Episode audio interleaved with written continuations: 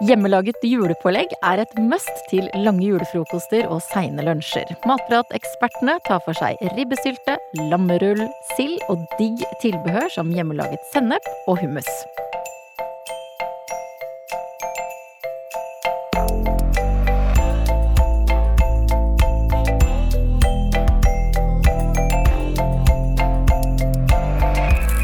Velkommen til Matpratpodden. Jeg heter Katrine Ude, og sammen med meg er det som vanlig to matprateksperter. Det er matrådgiver Marta Ransborg og kokk og matrådgiver Cecilie Maske. Hei! Hei, hei! Hallo! Cecilie, du er 61 år, og Marta, du er 29. Så dere er jo to helt ulike generasjoner. Mm. Og da vi satt og planla denne podkastsendingen om hjemmelaget julepålegg, som oser av gamle tradisjoner, så det viser seg at du, Martha, du har ikke laget noe klassisk eh, julepålegg før? Nope. oh -oh. oh jeg er ganske, ganske, rå på noen ting, sånn som asiatisk og pizza. Og så syns jeg selv at jeg lager ganske god vegetarmat. Men i kategorien klassiske julepålegg, og egentlig litt sånn tradisjonsmat generelt, da, så er jeg ganske noob.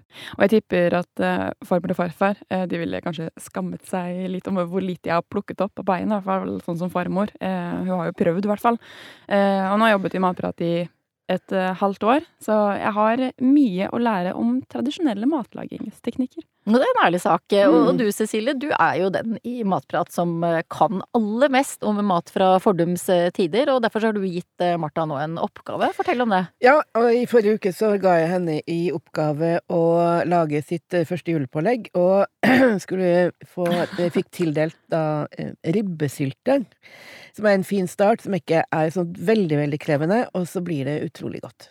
Men har du da stått og, og hengt over Martha på kjøkkenet til Matprat og vært sånn, sånn streng som vi veit at du kan være? Ja, gamlemor som må få overstått noob og har jobba i Matprat siden Martha drev og mista melketenner.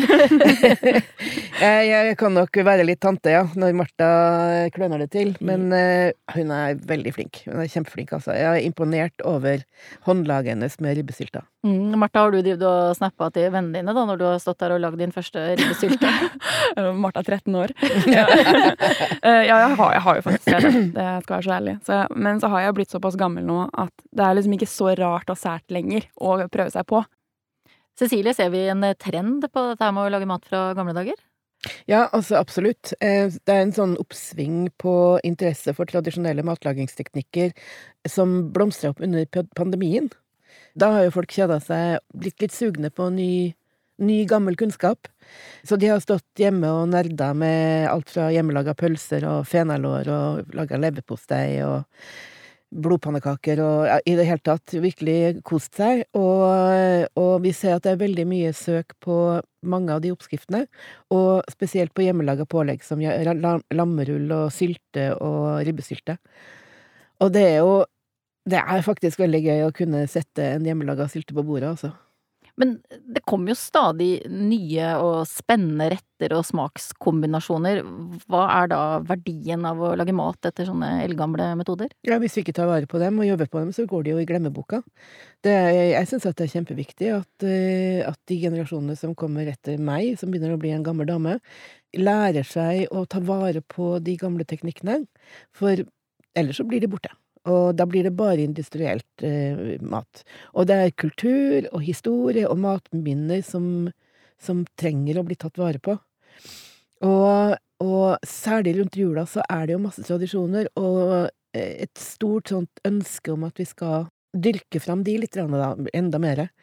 Og i gamle dager så var jo førjulstiden slaktetid. Det var jo da grisen blant annet ble slakta, og så var det jo veldig, veldig viktig da å ta vare på hele dyret og eh, foredle, foredle det videre til videre bruk utover hele året. Det var mye strev, masse som skulle gjøres i den tida, og så var det jo belønning etterpå, i juledagene.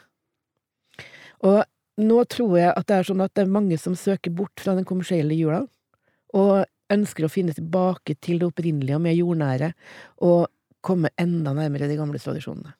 Nå, Martha, så skal du endelig få lov til å briljere med din nyervervede erfaring. Eh, hvordan syns du det var da å lage ditt livs første ribbesylte? Det var, det var fint. Jeg er veldig overraska over hvor, hvor, enkelt det var, da. Eh, og sånn selv om det tar sånn tid totalt eh, sett før den er ferdig til å spise, så er det jo minimalt med jobb. Så hvis du får tak i en god ribbe og har tid til å være hjemme lenge nok til at den får trekke de to-tre timene som den skal, så er det faktisk eh, som lager hvilken som helst eh, rett. Så det er ikke behov for å være noen sånn masterchef eller at du trenger noe spesielt utstyr for å lage det. Eh, Men som sagt så trenger den jo litt tid når den er satt sammen. Den skal stå i press i, i minimum et døgn da, i kjøleskapet. Så da er det greit å lage den litt før jula starter, sånn at du, at du faktisk har ribbesylta på bordet på frokostbordet eller lunsjbordet på julaften, eller før hvis du vil det. Mhm. Ok, da er vi klare. Hvordan, hvordan eh, Hvor begynner man? Nei, Matprat gjør det veldig enkelt da, for nybegynnere som meg. Eh, og så er det bilder av hvert trinn. Eh, så jeg fikk tak i en ribbe der svoren ikke var rutet opp. Eh, og det er det enkleste, da, for det blir jo penest resultat. Eh, og ribba kom jo med bein, så jeg startet med å skjære ut beina med en skarp kniv. Og så gikk jeg opp med fingertuppene, sånn at jeg fikk fjernet eh, brusken også. Og så er det å da sette eh, ribba i, i trekk, holdt jeg på å si. La den trekke i, eh, i varmt vann. Og så passe på at hele stykket ligger under vann også.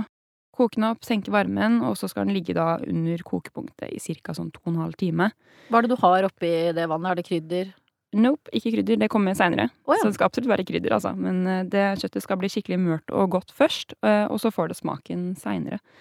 Så mens ribben da kokte, så blanda jeg sammen eh, salt eh, og krydderet som skal på. da. Det er jo da nellik, alhonde, ingefær og pepper. Og gelatinpulver, det er viktig. Skikkelig julesmaker. Skikkelig Ja, julesmaker. godt. Mm. Eh, og da Jeg er jo veldig glad i krydder, så jeg overdrev kanskje litt også fra hva som sto i oppskriften. Eh, og også da finhakket eh, løk er veldig, veldig godt. Så da kledde jeg en brødform på sånn ca. 1,5 liter med plastfolie innvendig. Og når da ribben var ferdig, så tok jeg den opp av vannet, lot den renne godt av seg. Og så, mens den fortsatt er varm da, så skjærte jeg, med en, skjærte jeg den i tynnere skiver med en skarp kniv. Men kan jeg spørre, det at den fortsatt er varm, Cecilie, du som har gjort dette veldig mange ganger, Martha har bare Mm. gjort det nå én gang, er det viktig å skjære den mens den er varm? Ja, det er viktig. Og det, det er en annen ting som er viktig, er å ta av eh, svoren først, for den skal du bruke som Ja. bunn og topp på sylta. Og det viktige med at den er varm, er at det er jo gelatin i den her. Og gelatinet, det vil hvis, den, hvis, hvis du legger den sammen kald, så vil ikke gelatinet løse seg opp ordentlig, og da vil den heller ikke se, henge ordentlig sammen. Så det er faktisk et eh, veldig viktig sinn. Men skal, du kan godt avkjøle den sånn at den er lett å håndtere. Den skal ikke liksom være 100 grader når du driver og, og, og skjærer den opp. Sitter med sånn ildrøde fingre. Ja, nei, det er ikke noe poeng. Så, så den kan godt avkjøles litt, men den må være såpass varm, for den, det er den eneste varmebehandlingen den har. Altså, jeg, tok jo også da av svoren først, da. Det er viktig, viktig steg, som Mhm. Cecilie sier. Eh, og så hadde på litt sånn krydderblanding mellom lagene. Så du har da skåret ribben i mindre biter, og du har lagt den svoren i bunn. Så er det da først eh, litt eh, kjøtt, og så litt løk, og så krydderblanding, og så gjør du det lagvis, da, til du har fått brukt opp eh, alt. Og så bretta jeg da folien over sylta, og så la jeg på press og satte hele greia kaldt over natta. Ok, men du sier du legger på press. Må man Mm. ha noe spesialutstyr? Nei, heldigvis ikke. Du kan jo bruke det hvis du har det, men eh, det har ikke jeg, da. Så man kan være oppfinnsom og lage det selv. Um, så hvis du eh, for eksempel har en, eh, en brødform som er like stor da, som den sylta du har eh, Eller den formen som du har laga sylta i, og som det er tungt å putte oppi der, så kan du surre hyssing eller en skistropp eller hva du har da, rundt for å lage det presset. Så jeg satte da en, en pakke med salt i en brødform. Men det er jo litt gøy, da. så å jo litt være sånn jalla sånn- ut, da, men uh, hvorfor ikke? Men det er litt gøy å være litt sånn Reodor Felgen på kjøkkenet. Ja, sant? I gamle dager så var det veldig veldig ofte å bruke leksikon, og det var vel det Ja. det ble brukt mest til. Og når jeg ikke har det, da blir det salt. Tre bind av Askøy Gyldendals Store norske leksikon. Ja. For du er for ung, Martha, til å ha leksikon hjemme. Burde kanskje hatt det, men uh, nei, skuffer jeg igjen. Om ikke annet for å bruke, bruke det som press. Ja. Men uh, hva syns du om resultatet, da? Nei, det vet jeg ikke ennå. Jeg har ikke smakt på den. Jeg ville smake på den sammen med dere. Å, du er søt, da. Så jeg har med meg litt ribbesylte her. Eh, Å, så herlig. da kan dere ta en eh, bit. Du, den er jo Da så kjenner pen. du, kjenner Ja. du duften sprer seg i studio her. Ja. Masse Og den er pen. deilig Jeg må se krydder. på den litt også, for den er jo, det er jo sånn fin mosaikk. Mm. Det er jo et Jeg tror det er det peneste Jeg er i gang med å spise den nå. Ja. Er du det? Det er det peneste det pålegget jeg vet. Du, den er, Det er viktig, så det. god. Mm. Mm. Og jeg kjenner Mm. den eh, nelliken. Mm. Mm. Altså, jeg er så var fornøyd kjempegod. Jeg er så fornøyd med meg selv. Ja, det hører du du det, farmor? all grunn til å være. Du, den var kjempegod, Martha. Og så Mm. veldig pen.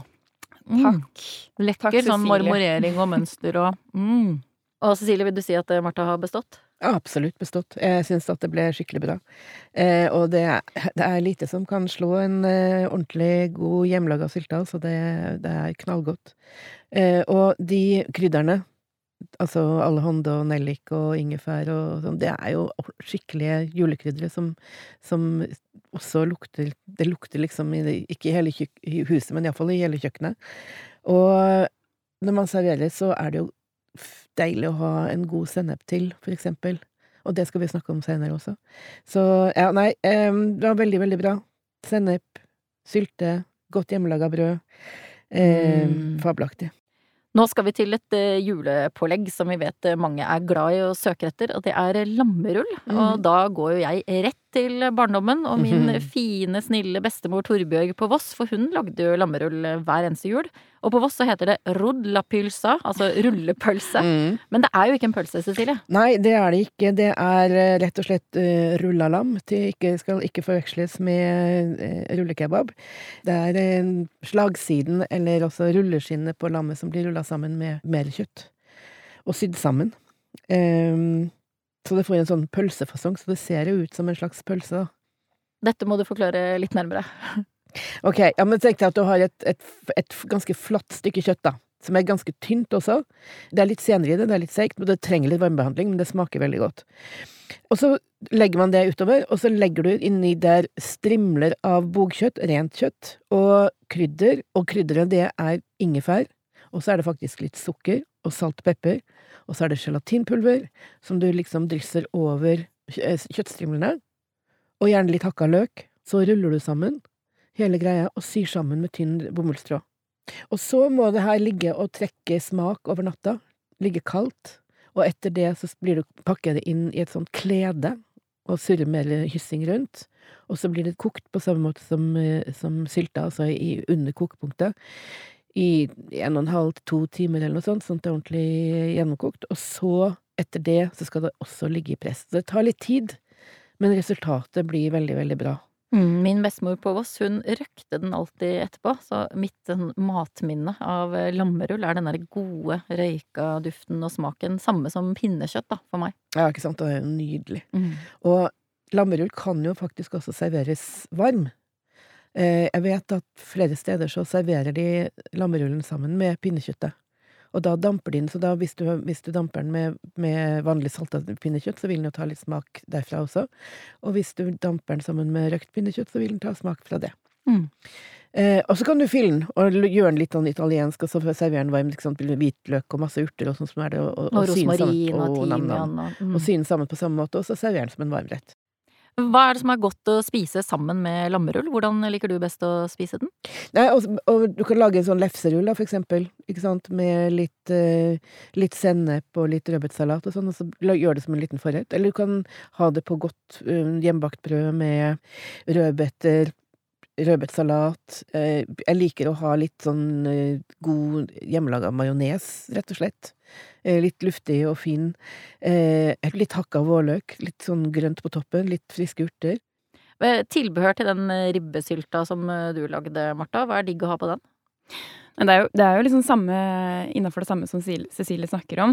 men jeg liker best å spise den sammen med sylteagurk og litt rødbeter, da. Og sennep er jo også veldig mange glad i å ha på. nybakt brød eller lefse.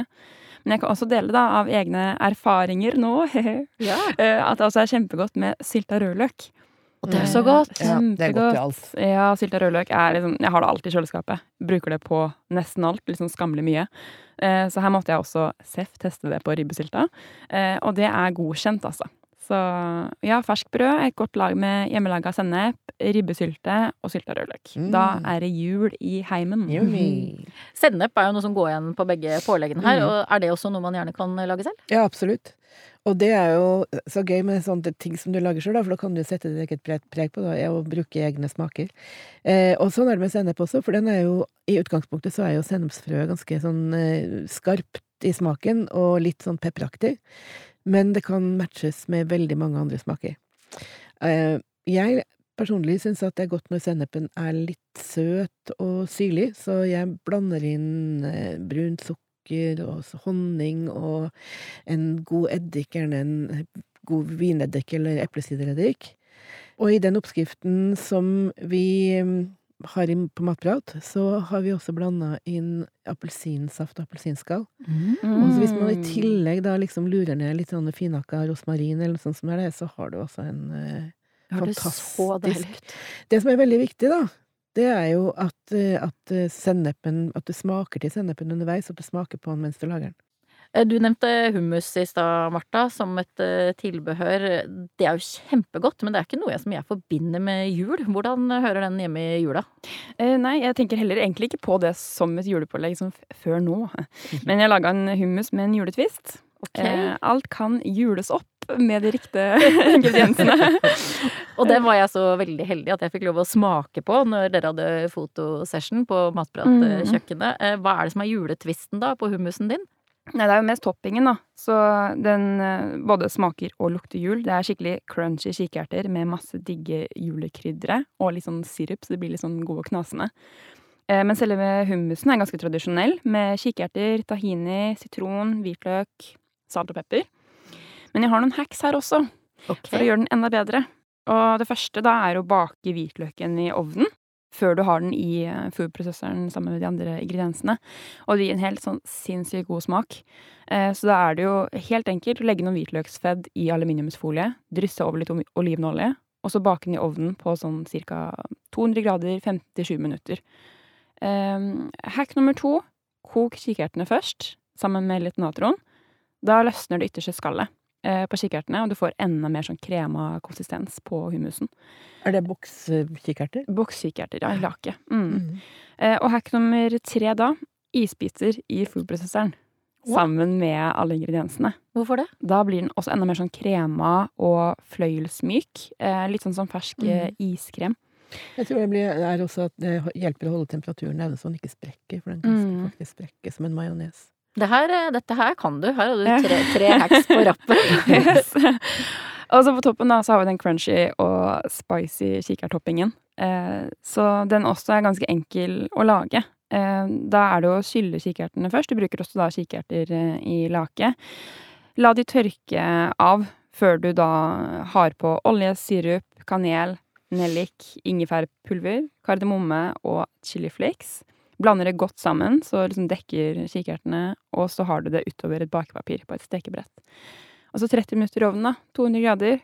Og så har du skikkelig sånn sprø kikerter som du kan toppe på mm, Legge opp på hummusen. Og så gjerne sammen med litt sånn granateple eller noe annet eh, sånn friskt. Så kan du bruke den som en sånn smårett eh, eller pålegg eller ja, hva enn du har lyst til å bruke den til.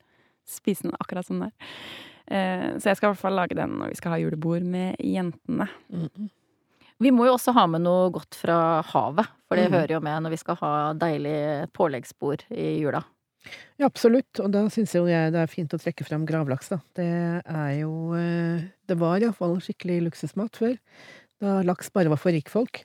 Og så må vi si noen ord om sild, sikringskost, for, eh, og en viktig del av basiskostholdet for mange eh, for ikke mer enn 100 år siden. Og spekesild og, og kryddersild, det er jo supert å bruke som eh, basis i forskjellige silderetter. Og jeg må ha sild i jula, ellers Mm. blir det ikke jul. Skal vi ta graving av fiske først, da, før vi går løs på silda? Vi gjør det. Eh, graving er jo egentlig en sånn korttidskonservering, og kan brukes både på fisk og kjøtt. Eh, og det endrer både smak og fasthet på, på både fisken og kjøttet, og jeg syns at, at det, det hever smaken faktisk også. Og når, når, du graver laks eller ørret, så endrer fargen seg litt, og den blir litt sånn mørkere og litt sånn litt blank. Jeg personlig foretrekker å bruke faktisk laks, nei, ørret framfor laks. Jeg syns at den blir myk, mørkere i fargen og, og enda litt mer delikat enn laksen er. Den blir fastere i, i kjøttet fordi at den, jo, den ligger jo i en blanding av sukker og salt, eh, som er liksom det, det som gjør graveprosessen, og det trekker ut vann av fisken, sånn at den blir liksom nesten ikke kokt, den blir en helt annen konsistens, men den blir fastere og, og finere. Og så er jeg veldig, veldig glad i å bruke masse frisk dill når jeg graver, og det blir jo så lekkert, altså den der fine kontrasten mellom den der røde fisken og den grønne, grønne dealen er jo nydelig. Eh, og jeg syns at den milde duften og den milde smaken på eh, gravet fisk er helt fantastisk eh, sammen med, som en forrett sammen med litt sennep, for eksempel. Hjemmelaga sennep. Eller en søt sennepsaus. Eller som en kveldsrett eller hovedrett eh, sammen med tilstuede poteter. Mm. Det er så godt. Laks eh, var jo veldig kostbart og eksklusivt, ikke Ja. sant, før oppdretten Mm. ble vanlig. Så når min eh, oldefar da, i Romsdalen, han fiska laks i elva Rauma, så fikk han jo laks på en Mm. litt sånn god størrelse, kanskje mellom eh, 5 til 20 kilo. Mm. Da ble den solgt til hotellet på Åndalsnes, for han kunne ikke unne seg å spise den selv. For han fikk jo veldig gode penger for den fine fisken. Han spiste sild, han. Og, og fikk han en eh, sjøørret som tok reka hans, da ble han veldig irritert, for det var jo billig fisk, og den fikk han jo ikke solgt. Er det sant? Mm. Ja, ja, ikke sant. Men nå eh, Ja, da var jo, da var jo det, det de spiste sammen med sild, da. Mm. Men eh, laks var absolutt for de fine, ja. Mm. Og fra den tradisjonelt eksklusive laksen, så skal vi til silda. Og da, Cecilie, flytter vi oss over fra rikfolk til kårfolk. ja. Det er ikke riktig sånn i dag, da. Nå spiser vi Nei. sild alle sammen. Men for meg, som jeg sa, det blir ikke jul uten sild, altså. Det må jeg ha. Og det var jo Sild var jo lite kostbart og tilgjengelig for, for alle før i tida. Og sild i alle slags former, men aller mest sånn her spekesild, tror jeg, har blitt spist av nordmenn i uminnelige tider, tror jeg. Så lenge man var i stand til å, eller hadde noe å foredle det i, da. Så har de tatt vare på det og spist det, for det var det de hadde. Jeg tror ikke det er så mange unge som spiser sild i dag, men det, for oss gamlinger så er det must. Hva, Martha? Spiser du sild? Nope. Nope. det ante meg. Har du Jeg har prøvd? prøvd, ja, flere ganger. Det Eh, funker men- ikke helt ennå. Gjør det ikke det? Snart, Nei, kanskje. du må bli voksen først, tror jeg. 30 kanskje. Da. Eh, Jeg er 46, jeg spiser ikke sild. Nei, det er for gamliser. Men eh, det er jo noen ting Det er en tradisjon som vi deler for, med våre gode naboer i sør og øst. Svenskene og danskene er jo også veldig, veldig De har vært i ville med den silden. Ja, Mm. Ja. de er flinke og gode, og de er, det er masse god sild der, altså.